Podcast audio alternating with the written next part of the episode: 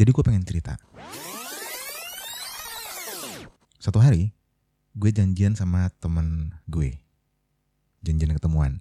Dia bilang mau kenalin gebetannya sama gue.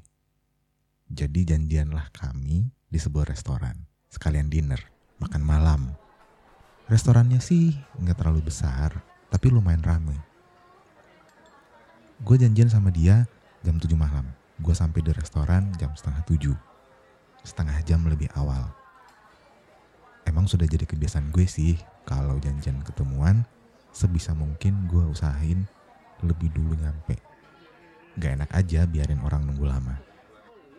Gue nunggunya sambil minum es teh. Sebenarnya mau ngopi, cuman ntar aja lah. Habis makan baru ngopi deh.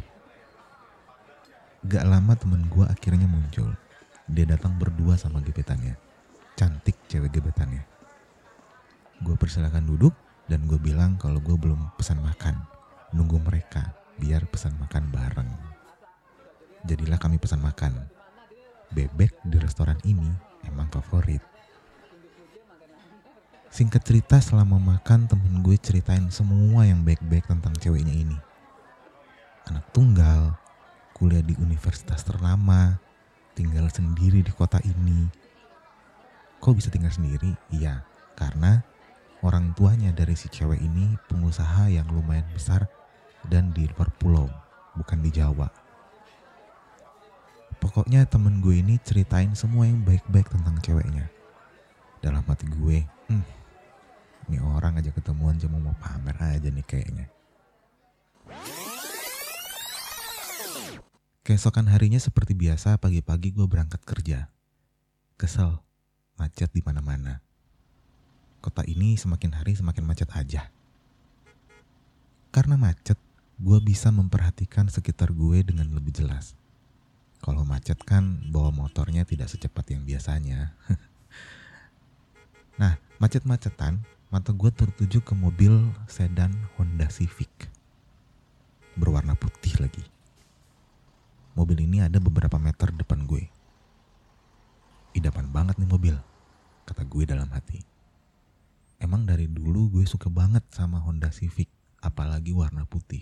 Buh, idaman lah pokoknya. Selang beberapa detik, gue sudah berada di samping mobil ini. Kacanya bening, jadi gue bisa lihat ke dalam.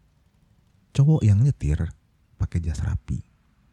Tebakan gue, gue rasa sekelas manajer nih kerjaannya dia nih.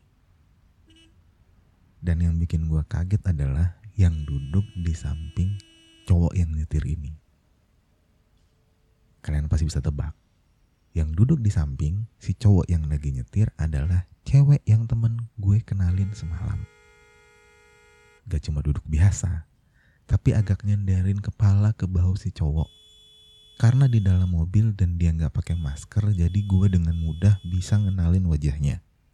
Kebalikan, dia nggak bisa ngenalin wajah gue karena gue pakai motor dan pakai masker. Jadi ketutup muka gue.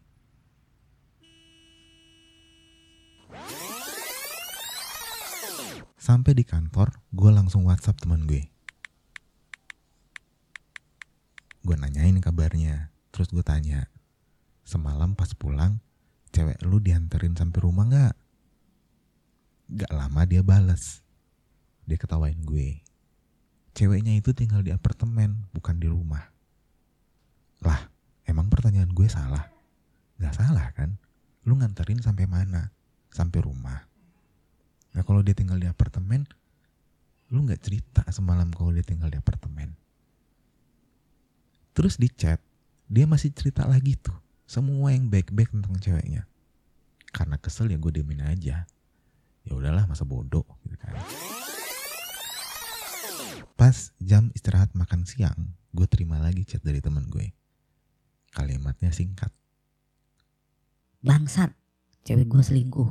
Selalu ku bilang aku tak sebaik kau pikir Tak pernah ku nantikan kamu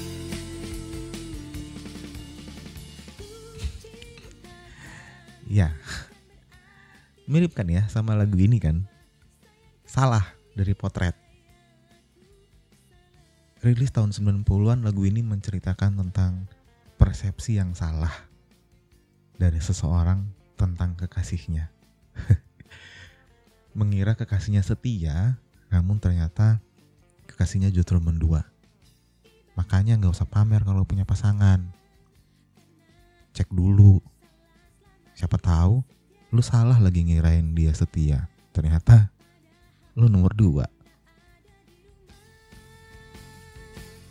Episode ini adalah bagian dari tantangan 30 hari bersuara 2022 yang diselenggarakan komunitas The Podcasters Indonesia.